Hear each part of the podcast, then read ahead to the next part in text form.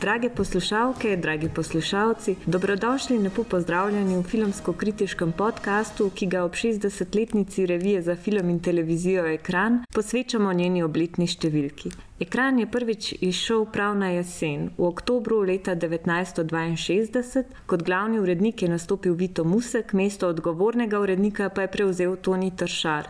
Med ustanovitelji je bil tudi Branko Šumen in mnogi drugi. Imena gospodov, ki morda mlajšim generacijam ne zvenijo znano, a so vendarle orala ledino v času, ko je film pravzaprav še utrjeval status umetnosti. Kot pravi Majda Širca, sodelavka revije Ekran, ki je kot sekretarka in piska delovala v tako imenovanem zlatem obdobju revije v 80-ih letih prejšnjega stoletja, se je pomembno zavedati specifik obdobja, v katerem je revija nastala. Čeprav sredi 60-ih let filmski milje še ni bil tako razvit, je bil pomemben.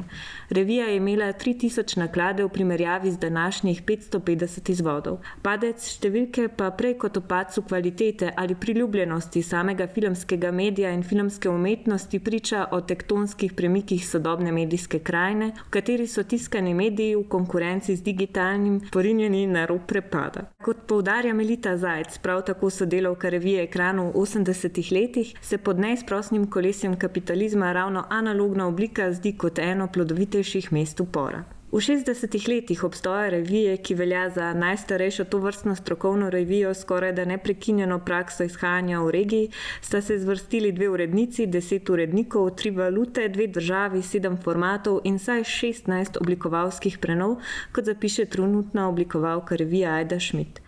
A kljub tem metamorfozam, občasnim kratkotrajnim mrkom, pacem in cvetočim usponom, je ekran 60 let od svojega nastanka še vedno na isti misiji. Ustraja v želji po ozaveščanju, preseganju razumevanja filma kot industrije, v želji po interpretaciji in razvoju filmske kulture, ki film utorjuje kot kulturno, umetniško, družbeno, hkrati izredno intimno doživetje. Revija, ki je svojo vsebino in obliko gotovo stopala v bok modernosti, je na primeru jugoslovanskega črnega vala Gala odigrala nič manj pomembno vlogo kot znamenita Kaiju Cinema ali Sight and Sound v razmerju do filmskih novih valov na svojih domačih obalah. Obenem pa je ekran revija, ki že od samega začetka v svojem naslovu nosi tudi besedo televizija. Slednjo, kot piše Ivana Novak, so urednica aktualne jubilejne številke, je ne nazadnje kot pomembno, ključno in nič manj inferiorno filmu že v drugi polovici 50-ih let prejšnjega stoletja obravnaval sam botr sodobne filmske teorije Andrej Bazan, ki je kot njen glavni adut slavil živost programa, občutek navzočnosti, prezence, povezanosti, zdajšnosti in globalne svetovnosti v majhnem prostoru dnevne sobe.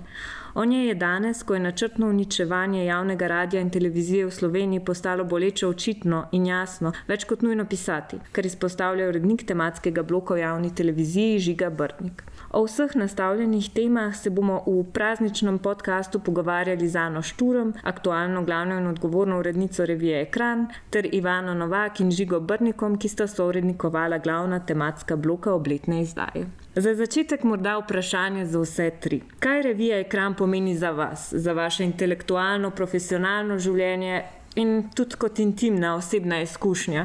Katero obdobje vas morda najbolj nagovarja in katere piske ali pisci nekoč in danes, katere najraje berete? Za mene ekran pomeni uh, srečevanje z somišljenicami in somišljeniki, kjer se lahko pogovarjam o filmu na stojen način, kjer uh, ne samo, da vedno zelo intelektualno razglabljamo, ampak lahko tudi eh, se pohecamo, eh, tudi kako razdremo v filmih, eh, mogoče malo potračamo, kaj se na filmski ali televizijski sceni dogaja. Tako da je za mene na prvem mestu skupnost filmskih kritikov in kritičark. Na drugem mestu pa predvsem ja, kot referenca, vedno ko nekaj filmov pišem ali pa v nekem obdobju, grem najprej pogledat dve kran, če smo to že pisali, pokrili. Um, in se s tem tudi pripravim vem, na intervjuje, na svoje članke. Najljubše obdobje, mogoče ravno ta 80-ta, ki jih omenjaš, um, predvsem recimo tam kritike Alenke Zopančič so meni pač nekaj najboljšega, kaj v slovenskem jeziku o, o filmu bilo napisano. No. Predvsem bi izpostavil recimo o Blade Runneru, tista kritika me pač direkt zadela vem, v dušo, ali kako bi rekel. Uh, ja, mislim, jaz mislim, da je revija Ekran preprosto pač ena od redkih revij, v kateri v slovenskem prostoru lahko pišemo o filmu. Pri nas je pač izjemno malo medijev, ki so posvečeni kulturi, tako da je iz tega stališča pač izjemno pomemben. Ma tradicijo, je uveljavljen, ima neko gled, pa je ime, mislim, je neka avtoriteta, pa je neka kulturna referenca, kot je že Žiga rekel. Um, in ima svojo pač noro, dolgo zgodovino. In v tej zgodovini ima recimo tudi Žižka, pa Lenko Zopančič. Tukaj se je začela Ljubljanska psihoanalitska šola in tukaj se je začela tudi čisto originalna filmska teorija, ki je čisto naša, slovenska in je tudi prodrla po tem svetu. Tako da, um, ko pišem za ekran, imam vse to nekako v mislih in se kar mal bojim. um, skratka, je v bistvu preprosto, se mi zdi, ena od najpomembnejših institucij v slovenski kulturi, um, ne le na področju filma. No? Um, in mislim, da se tudi danes, no, uh, ali pa že skozi njej, nekako kalijo takšni kalibri, ki bodo pač kasneje postali vem, pomembni filmski teoretiki, kritiki, karkoli. Um, tukaj se pač začne pisati o filmu, pri nas. No. Drugače, ja, se popolnoma strinjam z žigatom, pač teksti Alenke Zupančič. To se mi zdi res še enkrat fulj pomemben, da je Slavoj Žižek tukaj začel, pa vsi teksti iz Denka Vrdlovca. Um, pač vsa ta originalna filmska teorija, ki je tukaj nastajala, od danes pa recimo, ne vem, si že zastavljal to vprašanje, uh mhm. -huh. kaj danes radi beremo. Um, jaz furada preberem recimo tekste Maše Peče, pa Bojane Breger, uh, ki so igrivi, pa zabavni, pa imajo neko domišljijo. Zanimivo, kako imamo vsi neke zelo podobne uh, ideje oziroma reference oziroma um, odnos do te revije. Tudi za me je ekran v prvi vrsti, pač nek kolektiv, neka skupina ljudi, uh, ki jo zanimajo podobne stvari, ki zanimajo tudi mene. Um, en kolektiv ljudi, ljudi ja, s katerimi se da pogovarjati o filmu in o vsem, kar obstaja okrog filma, uh, s katerimi pač se hodi v kino, na festivale, uh, se pogovarja o filmih. Um, tako da definitivno je to tista prva, um, mogoče za me tudi osebno najpomembnejša stvar. Seveda, druga je ta, da ekran pač je tudi. Moja glavna uh, služba trenutno, pač kot urednica, mislim, imam to čast in privilegij, da ga pač res um, so ustvarjam. Um, Berem pa tudi jaz najrajš, uh, tako kot je Ivana že omenila, um, tekste Zdenka Vrlovca, pa Bojane Bregar in Maše Peče, um, prav iz istih razlogov, kot si ti omenila, ker so res sočni, zabavni, um, pač obe dve res znata odlično pisati. In je res vsakič, ko berem kakšen njun tekst, je to eden od teh res uh, užitkov. No v branju. Drugače pa mislim, meni mogoče čisto osebno najpomembnejši ekran mi je um, ekran, ki ga je ustvarjala Nika, Bo Nika Bohinc, ker sem v bistvu jaz takrat začela brati ekran in se v bistvu sem se takrat srečala s samo filmsko kritiko, z, začela sem hoditi v kinoteko in tako, tako da je me je nekako ta njen ekran mogoče najbolj zaznamoval. Tako da v bistvu tudi te pisci, ki so takrat največ ustvarjali, uh, Juri Meden, Nil Vaskar in tako naprej. Um, se mi zdi, da smo v bistvu skozi uh, te na nek način dosti intimne odgovore vsem že odprli tudi uh, vprašanje, v bistvu, kaj je ekran, uh, oziroma 60 let ekrana pravzaprav pomeni za slovenski prostor, pač kot neko kališče, vozlišče, rojišče misli, idej, uh, teorij. Um, tako da mogoče bi v bistvu to vprašanje izkoristila kot odskočno desko za to, da malo razložite, kako ste v bistvu zasnovali koncept o jubilejih jubilejne obletne številke ekrana, v bistvu z vso to, z vsem tem, pa je sploh breme v narekovajih zgodovine, ki ga prenaša ekran s sabo. Ja, mislim, jaz vedno se mi zdi pomembno poudariti, da je revija ekran res en tak dokument. Um, tega, kar se je dogajalo na filmskem področju v zadnjih 60 letih.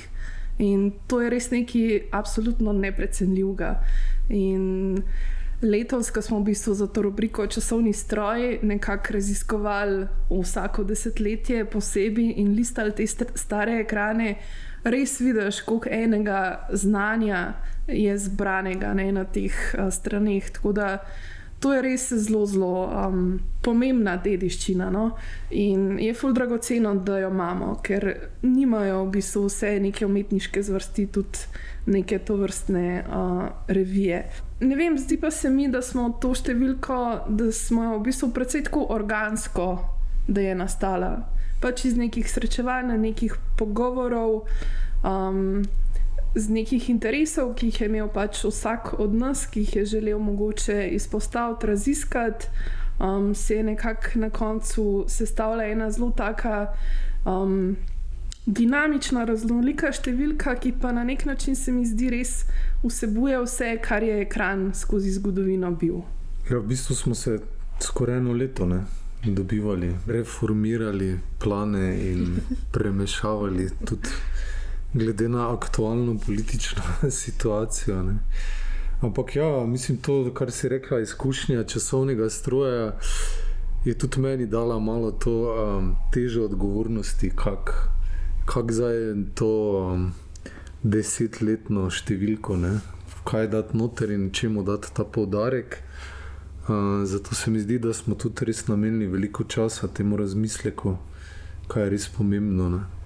In ja, mislim, super, meni se zdi super kombinacija, no? da je ena res. Uh, Zahtevna tema, ki je tudi zelo politično aktualna, zelo pereča, uh, ki, ki je zdaj dosegla nek zenit, uh, ne, to, kar delamo o javni radio, televiziji, hkrati pa to uravnotežimo z neko uh, zelo tako, kako bi rekel. Filmsko, ljubiteljsko ali pa še, še uh, fenovsko temu, ne, guilty pleasure. Uh, in potem še uh, super, da uh, te ta pregledna teksta no, o oblikovanju ekrana, pa o filmski kritiki v današnjem času. Uh, in se mi zdi, da, da nam je uspelo narediti nekaj uh, vrednega, te res uh, lepi ob, obletnici. No, ker da ena revija v pač takem, kot si rekla. Uh, hitro spremenjajočem se medijskem prostoru obstane 60 let, uh, in piše o filmu in televiziji uh, za tako kontinuiteto, mislim, da uh, je to nekaj res vrednega. No? Ja, to je tudi institucija, ki je preživela razpad Jugoslavije, zamenjavo družbenega reda, mislim, toliko političnih opcij, že tudi, tudi vsebinsko, verjetno. Ne, mislim, je bila bolj teoretsko usmerjena, je bila bolj komercialno že usmerjena, je bila bolj politično radikalna kot je zdaj. Zdaj se mi zdi, da je en tak miks vsega, da je tako malo hibridna. Ne. Um, in predvsem se mi zdi super, da Ana Šturm, urednica, dovoli oziroma spodbuja vse možne načine izražanja filmskega mišljenja. Tako da um, mislim, da je zdaj tudi to notrkle zbrano. In še enkrat, pa res se mi zdi neverjetno, no, da imamo 60 let staro revijo o filmu in da še, je še vedno v tisku. Super, kako pa um, mogoče, če se premaknemo naprej, malo podrobneje uh, po kazalu in vsebini. Uh, Žiga, ti si že omenil glavne sklope javna radio in televizija Slovenija, uh, Guilty Pleasure, ki ga je urednikovala Ivana, uh, potem imamo intervjuje uh, z v bistvu nekdanjimi sodelavkami in sodelavci, oziroma še aktualnimi, pravzaprav uh, tudi vodnik, je pripravil Stojan Pelko uh, in v bistvu končamo s temi preglednimi enotami, kaj je filmska kritika danes in o oblikovni podobi ekrana. Pa me mogoče zanima, um, kako ste pravzaprav zbirali. Sogovornika, pa kaj je bil v bistvu vaš motiv pri oziranju um, v preteklosti, nagovarjanju v preteklosti, na kakšen način ste se v bistvu lotili te sprege? Mogoče Ivana lahko začneš, ker si pripravlja intervju s Slavojem. Um, ja, no, ja, mislim, meni se zdi v bistvu tako zelo logična izbira, no, ko imamo že glih dostop do njega. Pač gre za svetovno znanega filozofa, ki je svoj prvi tekst, če prav razumem, napisal za revijo Ekran. Um, in pač ta povezava. Um, šlo je za tekst lani v Marijem Badu, Ana je bila dovolj pridna, da je šla poiskati v arhiv. Ne vem, um, pogovarjala sem se s Slavom pač o tem, da je bil, mislim, on je rekel, da je bil ekran pomemben del slovenske pomladi, recimo, to je zanimiv poudarek. Um, pa zanimiv podarek tega intervjuja se mi še zdi, kako so v bistvu neke ne vem, tehnične okoliščine, pa neke tako zelo komične okoliščine vplivali na njegov pogled na film, pa na njegovo filmsko teorijo. No.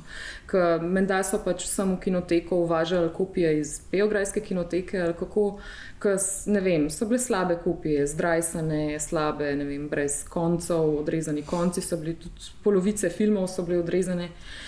In potem se je on pač napletel neko teorijo o filmu, ki je mogoče ne čist uh, v skladu z vsebinami filmov, ampak je pa gledal zelo pozorno formo. Tako. Um, tako da to se mi zdi zanimivo, no? um, videti, kje pač tak velik um konc koncev začne formirati filmsko teorijo, ki je bila čist originalna takrat. No? Oziroma se je zgledoval mm. tudi po Jamesonu Shionu, ampak so se bolj srečali, se mi zdi. Ne? Tako da ne vem, to, to me je nekako zanimalo kje se je začela formirati ta, ne vem, kaj ga je drival pri filmu na začetku. Ne? Ko vse je nas nekaj drugega, verjetno. Njega je pač očitno ta forma, pa te slabe kopije, te čudne okoliščine. Mm. Tukaj mi je bilo fully zanimivo, kako se je lepo povezal tokratni časovni stroj s, njegov, s temi njegovimi začetki v kinoteki.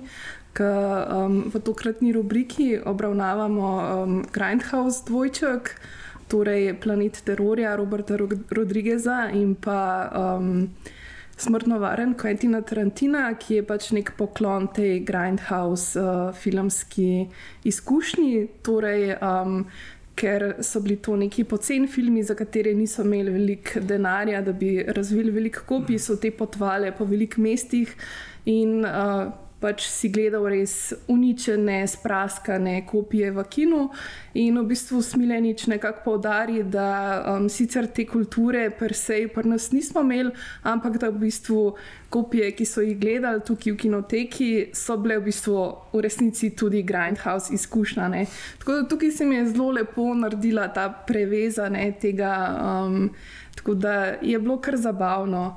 Um, sicer pa ja, smo v bistvu na nek način tako kot sem rekla, zdi se mi, da se je precej organsko vse skupaj sestavljalo. No, mislim, da so neki ljudje, ki um, so v ekranu že zelo dolg čas, ki so še vedno nekako se ukvarjajo s filmom, ki jih to zanima, ki so tako ali pa drugače prisotni. Um, na tem polju, tako da smo v bistvu nekako do njih pristopili, če bi bili pripravljeni uh, kaj napisati, stojan Pelko, pač kot nekdani urednik.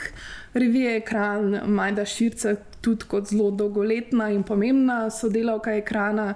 Potem smo želeli mogoče en mal bolj oseben pristop, nekoga, ki je mogoče bolj bralec kot so ustvarjalec, čeprav nekako tudi prehaja med obema tema vlogama. Tukaj je ta prispevek eh, Igorja.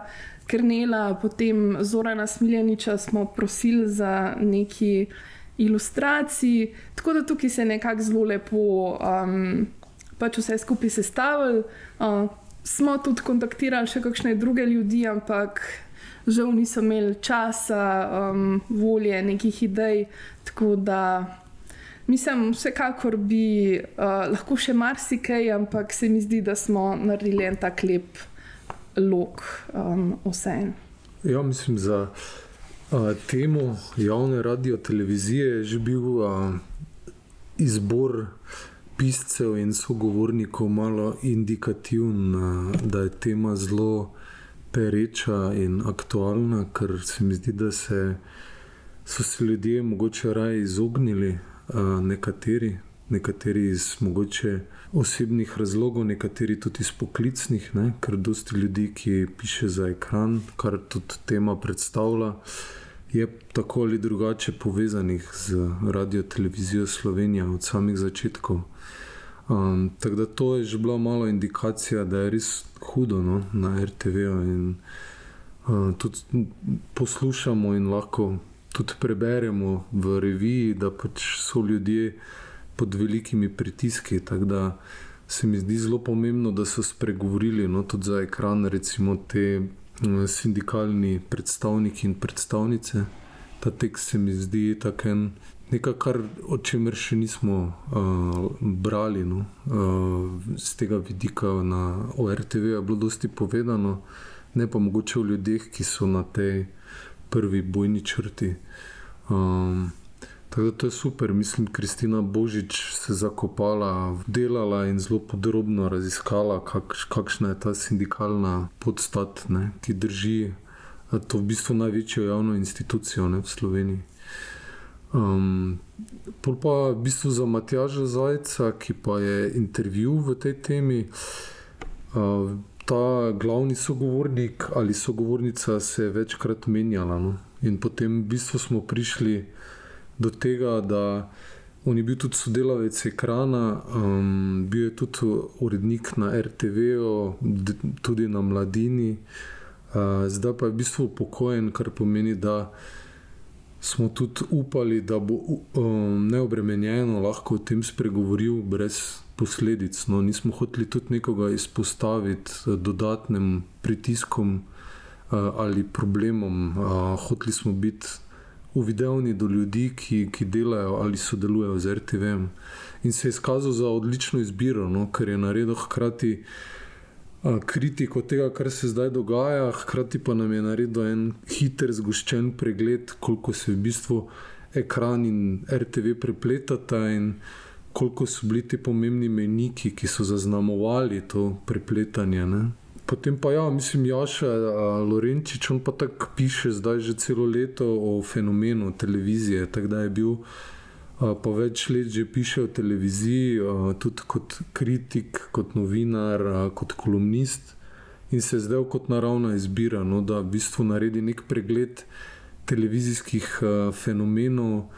Uh, preteklega desetletja, da v bistvu tudi umestimo v slovenski uh, prostor RTV in koliko se je ta pozicija spremenila v zadnjih desetih letih in v kakšnih odnosih je mogoče s komercialnimi televizijami. Tako da v bistvu hoteli smo to problematiko zajeti. Iz malo drugega zornega kota, torej veliko se govori o informativnem poslanstvu RTV, kar je seveda za demokracijo bistvenega pomena. Zelo redko se pa govori tudi o drugem poslanstvu, torej, da televizija RTV Slovenija goji pogled gledalcev, kakšne filme gledajo, kakšne oddaje, kakšni kulturi ali umetnosti so izpostavljeni, tudi, tudi sluh, ne, kakšne radijske oddaje poslušajo, radijske igre in tako dalje. Tako da hoteli smo v bistvu priti razširiti ta horizont debate o RTV-u, ki se dogaja. In smo, in smo prišli tudi do zelo zanimivih zaključkov, mogoče, da je ta kriza RTV-a, ki je zdaj dosegla nek vrhunec, ker je prišlo do uh, direktnega napada na RTV. V bistvu posledica že deset let zapostavljanja nekih področji, recimo sindikalnega organiziranja, kot smo rekli, in te vloge RTV-a kot kulturne institucije, ne le uh, medijske.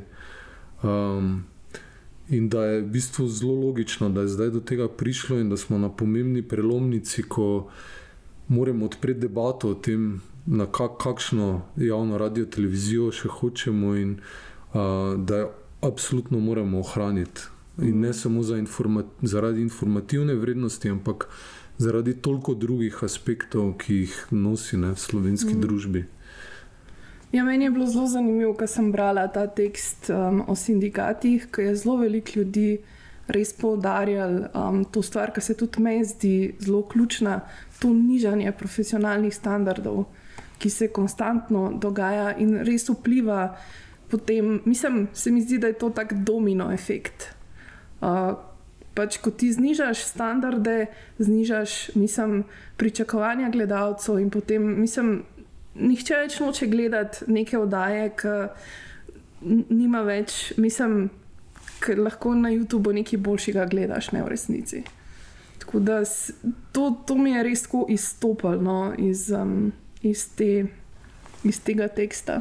Kako pa mogoče sploh uh, danes razumeti pojem televizije, ki se ne na zadnje uh, nekako pojavlja že od samega začetka v podnaslovu ekrana, um, predvsem v smislu, um, pa če pogledamo nekako nazaj, če beremo tiste prve številke ekrana, vidimo v bistvu zelo veliko um, razmislekov o samem televizijskem programu, um, politiki televizijskega in širše kulturnega programa uh, v reviji, medtem ko v bistvu je na nek način. Uh, Tematski blok, ki ste ga zasnovali, javni radio, televiziji, v tej številki, nekako um, po dolgem času, nek tak, bom rekla, mal bolj politično um, angažiran tekst.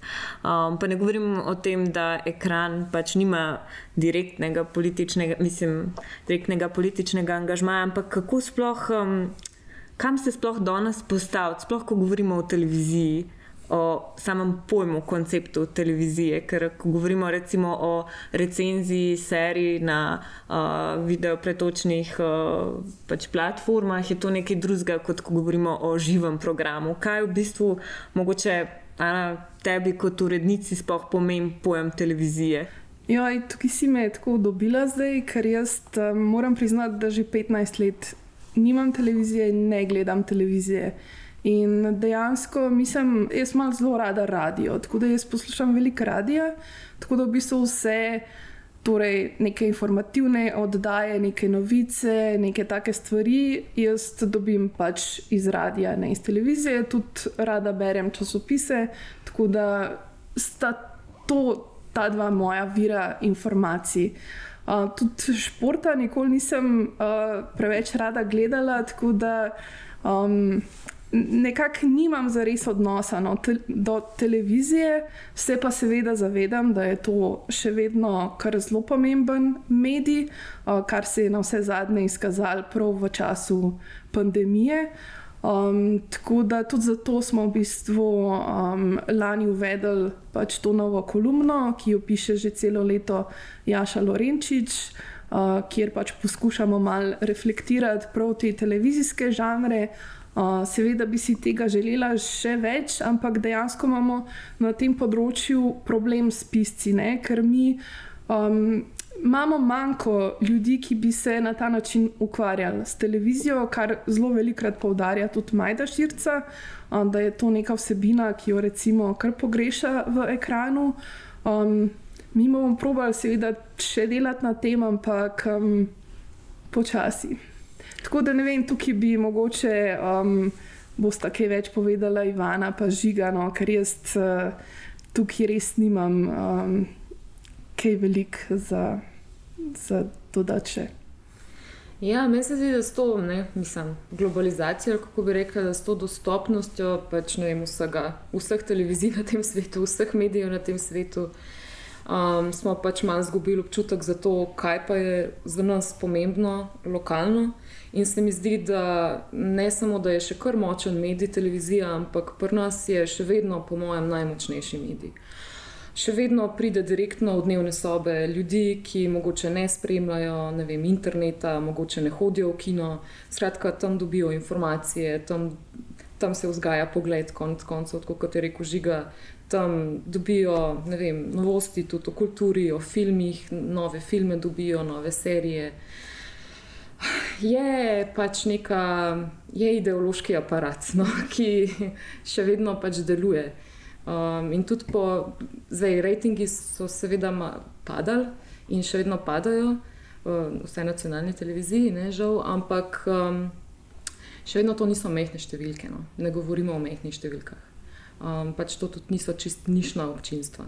In pač ta doseg je vendarle treba upoštevati. In ja, mislim, da smo malo pozabili na to, um, na pomen uh, javne televizije oziroma tudi radia in da tudi zato um, se mi zdi ful pomemben, tako kot pač že skozi očitno Majda Širca poudarja, da se pač revija, um, kot je ekran, pa tudi drugi mediji, ki se ukvarjajo z refleksijo kulture, začnejo malo ukvarjati tudi s televizijskim programom, pa z radijem. Mislim, to se mi zdi, da je tako malo samoumevno, da obstajajo. Ne? In da šele zdaj, ko so ogroženi, um, smo se začeli tudi kritično ukvarjati z njimi, kar je super, Uh, ampak se mi zdi, da smo tudi malo sami so krivi, no? da, da, se ni, da se prej nismo ukvarjali ne, z njimi. Je pa res, mislim, da res ni, preprosto ne najdemo refleksije televizijskega programa. Vem, mislim, da je bila v časopisu Delo, je imela Jela Krečič nekaj časa to rubriko, o, kako je že bilo. Zasloni ali ekrani v gledalu, kjer niso bile samo te serije recenzirane, ampak tudi vem, novi dokumentarni filmi, televizijski. Uh, Ampak to je tako redko, ali pa stanka prodnik, ne ima v mladini. Ampak to je absolutno redkost. Ne? In to mislim, da bi morali pač malo začeti spet se ukvarjati s tem. Ja. Ja, mislim, da si vse povedala. No. Edino dodal bi, da tako si napisala v tekstu, ne, Ivana, da v bistvu za epidemiji je, je pač spet do izraza prišlo, ko nismo mogli hoditi v kino. Ko, nismo ho mogli hoditi na športne dogodke ali kulturne prireditve. Jaz sem full gledal spet RTV in tudi ponovadi prek spleta, tudi jaz nimam televizije, ampak se imaš zdaj z, z zamikom. Filmi so po dva, tri tedne gor in ponovadi najdeš nekaj dobrega. No? Sicer se zdaj v zadnjih mesecih spet pozna, da Zgleda, da je ta panoga zapostavljena, da se ponavljajo, ne? ponovitve so dosti. Ja, poletna sezona je pač tradicionalno na televiziji, čez ponovitev. Pa ne zato, mislim, gre tudi za nek, eh, pač verjetno finančni primankljaj, za dovolj filmov, da bi jih lahko dajali čez celo leto. Uh, je pa tudi res, da televiziji blazno pade gledanost poleti. Hmm. Pač vsi gredo ven, ljudje, še posebej čez dan, se zadržujejo v zunanjih prostorih in pač ne gledajo več toliko televizije. Tako da se rahlo potem ne splača toliko investirati hmm. v ta hmm. program v tem času, kar je, gre seveda na škodo tistih gledalcev, ki pa vendarle so tam. Um, hmm. Pa verjetno v nekem pomenu televizije pač zelo veliko pove tudi to, um, kakšni politični apetiti so še vedno po njenem obvladovanju na nek način. Mislim, jaz bi še, še mogoče navezal, ko si rekla splošno, ne, televizija. Um, mogoče spet pridemo do tega nacionalno, globalno. Imamo na eni strani televizije, kot je recimo Netflix, ne, kjer uh, vidimo razliko, velika razlika je v produkciji. Eh, ne vem, jaz sem spremljal nekaj časa Netflix, pisali smo tudi za dialoge, eno posebno številko o tem. Uh, in v tej poplavi vsebin na videzni, ki jo ponuja, uh, je zelo malo raznolikosti. Ne? V bistvu gre za korporacijo, ki uh, črpa naše uh, podatke, uporabniške, in potem na podlagi tega profilira, kaj se izplača posnet. Ne? Na zadnje so vložene milijarde dolarjev. Uh, Uh, in tam ni tako na javni radio televiziji ekipe ljudi, ki ima uredniške sestanke, ki uh, uh, bere teorijo filmov, ki obiskuje festivale, ki gleda filme in se odloča iz človeškega aspekta ne, uh, o filmih, ki so ljudje, tako mi, iz mesa in krvi, ki niso neki algoritmi, ki to po matematičnih principih računajo, kaj se bo Netflixu recimo splačalo. Ne. In uh, se mi zdi, da s tem pomen javnih medijev, ravno zato res monopolizacijo medijskega prostora, ki se globalno dogaja, ne samo z Netflixom, ampak tudi z družbenimi omrežji in vsem, ker v bistvu par ogromnih monopolov vladuje medijski prostor. Še toliko bolj do izraza prihaja, in mislim, da televizija postaja um, spet osrednjega pomena. No? Če, čeprav smo že mislili, da zaradi interneta ne bo. Ne? Uh, ampak uh, tako, tako je rekla Ivana, ravno zato, ker marsikdo pride v dnevne sobe. Uh, in tudi nas povezuje, ima vseeno to uh, družinsko funkcijo, vsaj mm. pri meni. Recimo, jaz sem gledal dosti krat z očetom šport, ali pa še zdaj z mamo gledam in je to kot nek uh, socialno tkivo. No. Mm. Pa mogoče pomembno se mi tu zdi to, da mislim, kar se seveda navezuje na točno to, kar si ti zdaj rekel. Ne?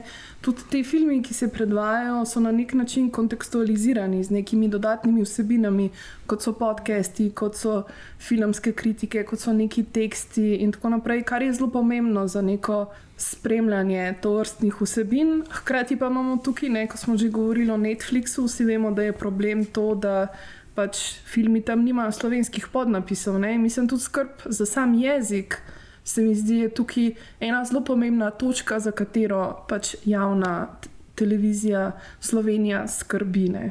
No, pa se spustimo še na drugo stran uh, tega um, ekranovega podnaslova v film, ki pa je v tokratni številki. Um, nekako, ne bom rekla, glih postavljen na glavo, ampak uh, nekako obrnjen na tisto drugo stran. Uh, s takim pomenljivim naslovom si Ivano opremlja ta tematski blok Ekranova spovednica, sedem smrtnih grehov filmskih kritikov in kritičark. Mm. To je tako populističen naslov, da privablja ljudi in tako naprej. Ampak eh, ja, v to spovednico smo povabili avtorje, da pišejo o svojih eh, pač, filmskih grehih, grešnih užitkih, se pravi o filmih, pa serijah, v katerih pač res uživajo in jih je mogoče zato tudi malo sram s tem pripisom. No. Tako da meni se zdi. No, Da to je v resnici pravi, da je to druga stran filma, jaz mislim, da je to prva stran filma. Zato, ker je pač tisto, zaradi česar smo vsi tukaj, po mojem zbrani, pa tudi še marsikdo drug, postali filmski ljudje, postali filmski kritiki. To so filmi, zaradi katerih vem, smo začutili to magijo filma, uh, ki je, kot si ti, Anja, zapisala v svojem tekstu, tudi ni potrebno ali pa ne znamo dobro reflektirati. Um, ne vem, ta nek užitek, čustva, ta tresavica, soze, karkoli. Ta nek primaren odziv.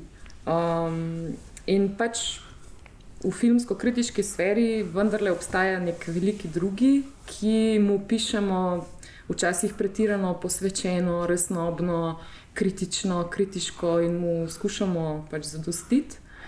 Um, Tleh sem pa mislila, no, da bi mogoče uh, oživili vendarle to strast. Ta In mogoče s tem tudi iz piscev privabili mogoče bolj iskrive tone, pa malo domišljije, malo igrivosti. No. In kako se ti zdi, da je uspelo, ali pa recimo, kaj so neki um, taki highlighti, ker spoh, um, v bistvu zdi se mi, da je večina pisk in piscev začelo operirati prav s tem pojmom guilty pleasure, ki se pa nekako. Čisto v vsakem tekstu razblini. Ja, zelo različni pogledi na to, kaj je guilty pleasure, pa je to dobro, je to slabo. Recimo, meni je bil zelo zanimiv zasuk ki ga je naredila Ana Jurc, bila najbolj tako zanimiv, uh, ki se je ukvarjala s tem, da njen greh je v resnici to, da še vedno uživa v filmih. Uh, pretežno moških režiserjev, ki so bili skensleni, se pravi, recimo Vodija Elena. In zdaj se pač ukvarja s tem, je to etično, je ona slaba oseba. To se mi zdi zanimiv razmislek, no pa predvsem ta twist, kaj je zdaj greh v filmu. Najbolj šokantno mi je bilo absolutno odkritje, da Bojana Bregar, moja priljubljena filmska kritičarka, še ni videla vem, filmov Vima Vendersa. Tako da zato, zato njeno temeljito in uh, zelo osebno izpovedno spoved, mislim, da se je zelo pogumno izpostavila in bomo tudi podelili priznanje, priznanje revije Ekran za najboljšo spoved. Um, potem je pa še, v bistvu, tako se mi zdi, vidva, no, žiga, Anja, vidi, da sta oba pisala o istem filmu, kar se mi zdi zanimivo, Gospodar prstanov. In jaz sem tudi ne mudoma na to pomislila, no. ker to je eden od teh filmov, ki so nas inaugurirali v pač to magijo, magijo filma. No, pa imamo pa še ta tekst Tele Krečič, ki je pa zelo teoretsko to tako, pa je tudi naredila en zasuk v bistvu zelo smart tekst o v bistvu tej zgrešenosti superiorne pozicije, sploh ne, čež da smo prepametni za te neumne vsebine.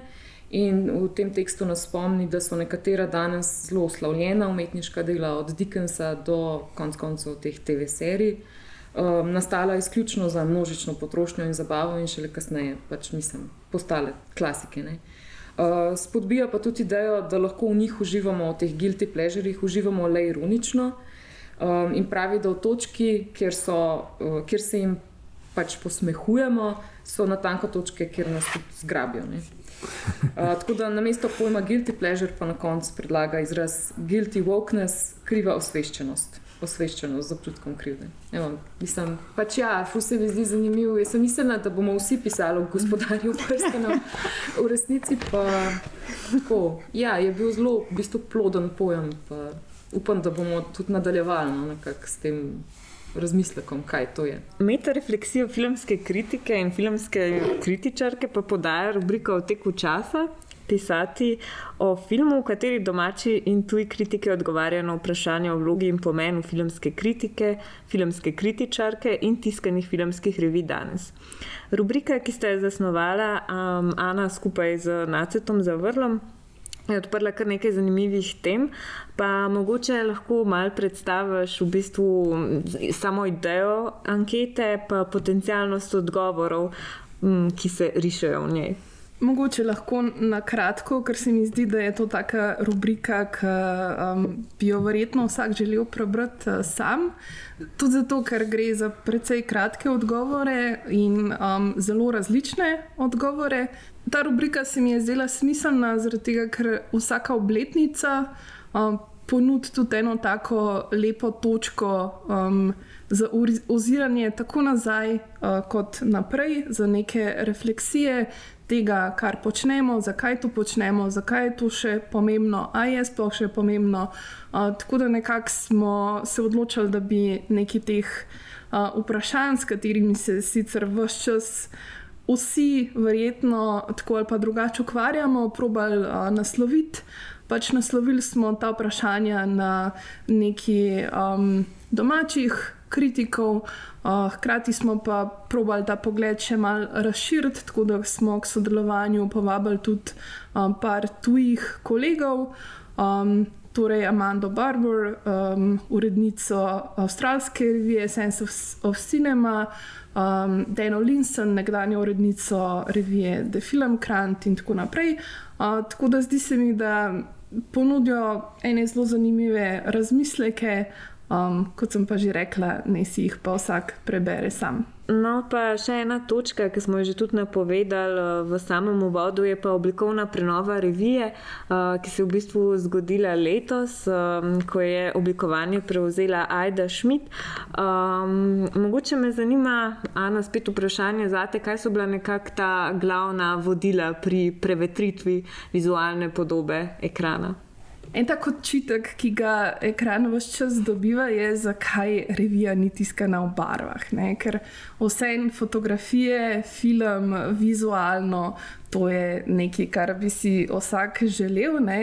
Tukaj moram takoj reči, da je to izključno povezano samo z um, zelo nizkimi finančnimi sredstvi, s katerimi ekran deluje. Barvni tisk je žal še vedno precej uh, draga stvar. Um, tako da v bistvu ob vseh teh omejitvah, ki jih imamo, tudi uh, zdaj se je zaradi vojne, podražitve plina in vsega tudi blazno podražil uh, papir in tisk in vse te stvari. Tako da nekako tukaj vedno obstajajo no, neke čist fizične, zelo banalne omejitve, kaj lahko narediš. Uh, tako da z oblikovalko smo se um, kar dolg časa razmišljali, se pogovarjali o tem, kaj bi želeli, na kakšen način. Vsekakor mislim, sem tako jaz kot ona, sva tega mnenja, da revija, če že ima ta privilegij, da še vedno izhaja v tist, tiskani obliki, da gre vse za nek predmet, um, ki ga ti imaš, ki ga ceniš, ki je lep, ki ti pač tudi čist uh, iz nekega vizualnega uh, vidika nekaj da. Uh, tako da to je en, en pogled, drug pogled je pa seveda to, da na nek način poudarja uh, vsebino revije, da um, olajša branje revije, se pravi, da je postavitev izčiščena, da je brljiva, da um, vem, ima svojo funkcijo. Ne, ni zdaj lepa samo zaradi tega, da je lepa, ampak da je lepa v tej funkciji, ki jo pač prinaša. Um, in ne vem, no, pač upam si reči, da nam je to kar zelo lepo uspelo. Um, da je pač Aida res uh, odlična oblikovalka, da zelo dobro razume tudi uh, film, uh, razmišlja o tem, tudi o sami postavitvi slikovnega gradiva, ki kljub temu, da ni v barvah, se mi zdi veliko lahko tudi pove in doda samemu um, tekstu. In v bistvu je tako, no, kot je um, Aida zapisala v tem svojem članku, da podobno kot lahko po enakem scenariju posnamemo, posnamemo več različnih filmov, lahko tudi kopica besedil in slikovnega gradiva prevzame nešteto različnih postavitev, ki so ustvarjajo revijo. In pač ta postavitev je tista, ki sami reviji da nek ton, vzdušje, identiteto in pač to neko razširjeno sporočilno vrednost. Um, tako da to je bil nek cilj, in pač upam, da nam ga je tudi uspel realizirati. Ja, v bistvu um, nekako to oblikovno zgodovino ekrana lahko skoraj da primete v roki prav tukaj v dvorani Silvana Furlana, uh, kjer snimamo tale podcast. Uh, namreč Zajdo in Jurijem Bobičem ste v bistvu pripravili razstavo, uh, v kateri razkrivate in odpirate pogled v medmastne papirnate sredice ekrana. Ja, v bistvu 60 let je res kar zelo dolga doba. Tudi um, sama podoba ekrana se je v tem času zelo velikrat uh, spremenila. Um, mi smo nekako uh, tudi smo se večkrat dobili in prelistali celotno zgodovino ekrana, uh, tokrat ne toliko iz osebinske, kot pa bolj iz neke vizualne um, strani. In smo nekako detektirali, da je v zadnjih šestih desetletjih, da se je ta identiteta ekrana spremenila najmanj sedemkrat, um, kar je na nek način narekovalo to našo razporeditev um, množice raznolikih uh, številk v osem kronoloških obdobij. Um, in v bistvu vsako izmed teh obdobij smo na razstavi uh, predstavili z naslovnico in pa z izborom nekih reprezentativnih uh, fizičnih izvodov uh, revije, se pravi, nekih tipskih strani. Uh, tako da s tem izborom smo pač želeli na nek način zaobjeti najbolj jasne oblikovalske težnje vsakega obdobja. Uh, tukaj moram seveda povdariti, da pač smo se za tako postavitev, postavitev odločili tudi zato, ker je ta razstava pod postavljena v dvorani slovenske kinoteke, ki ima zelo omejen prostor. Uh, tako da v bistvu je ta postavitev tudi um, zaradi same funkcionalnosti narejena na ta način, ampak mislim, da um, tako. Vsak, ki se bo sprehodil in te razstave, bo zelo hitro lahko um, začutil in razumel, uh, zakaj gre. Um, kar se mi zdi, da je bil en tak um, namen te razstave. Tudi.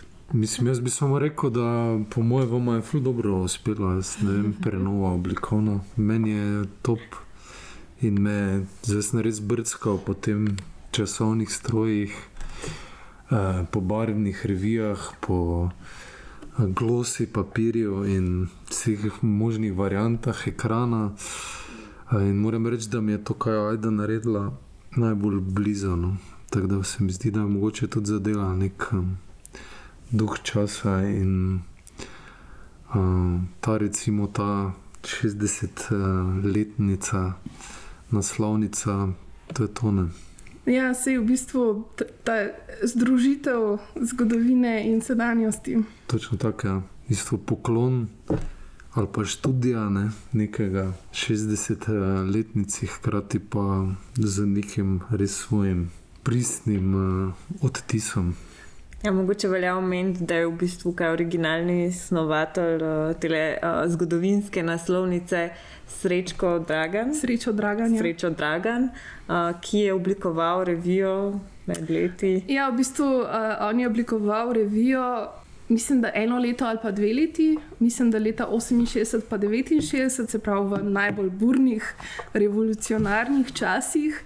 Uh, tako da takrat je bila revija tudi zelo specifična. To um, si lahko pogledate na razstavi, no, te izvode, ker res uh, zelo, zelo izstopajo, no? ker so zelo um, forma sama izstopa. No? Včasih tudi do te mere, da so sami teksti nebrljivi. Ne?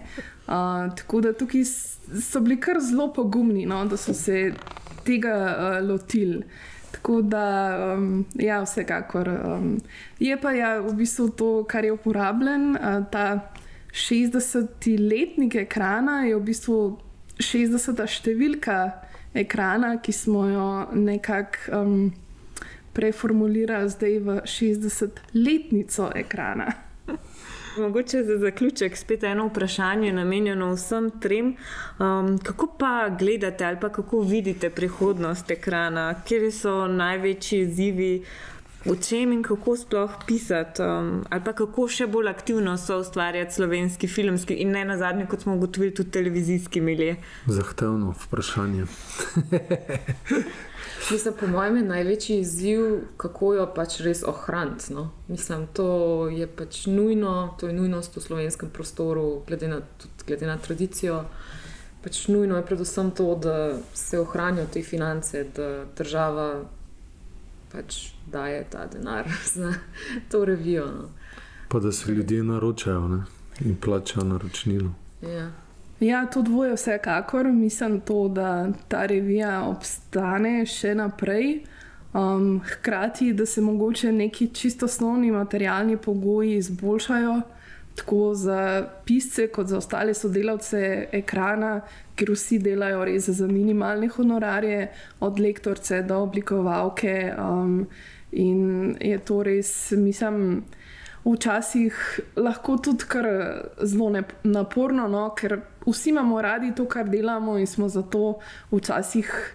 Oziroma, velikrat pripravljeni iti čez sebe, ampak um, mislim, da ne bi smeli biti tako, no, da bi um, tukaj res mogli nekaj narediti. Da, ampak glede na to, da je kar velik dela, da nas je premalo, v bistvu je nekako, mislim, to tudi moj čisto oseben cilj. No, mogoče zdaj v naslednjih dveh letih se lotiti kakšnega evropskega razpisa. Um, predvsem v tem vidiku, da bi najdla neke dodatne stalne sodelavce revije, ker bi že s tem zelo veliko sama revija pridobila, da bi se več ljudi lahko intenzivno um, ukvarjali z njo, in mislim, da bi to na neki točki lahko tudi marsikaj potegnili za sabo, tudi mogoče malo bolj aktivno promocijo, um, pridobivanje novih naročnikov, neke dogodke, um, ne vem, nek. Neke nove strategije, kako v bistvu revijo približati različnim uh, skupinam, privabiti mlade in tako naprej.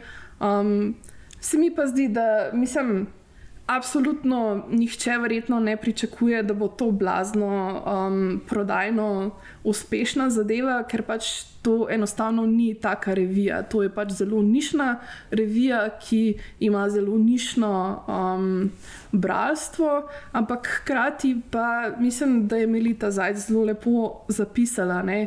Mislim, kot družba se moramo pač odločiti. Ali pač želimo imeti filmsko kritiko in neko tako revijo, ali ne. In to je pač to, in zato se moramo pač boriti, da to uh, na nek način ohranimo.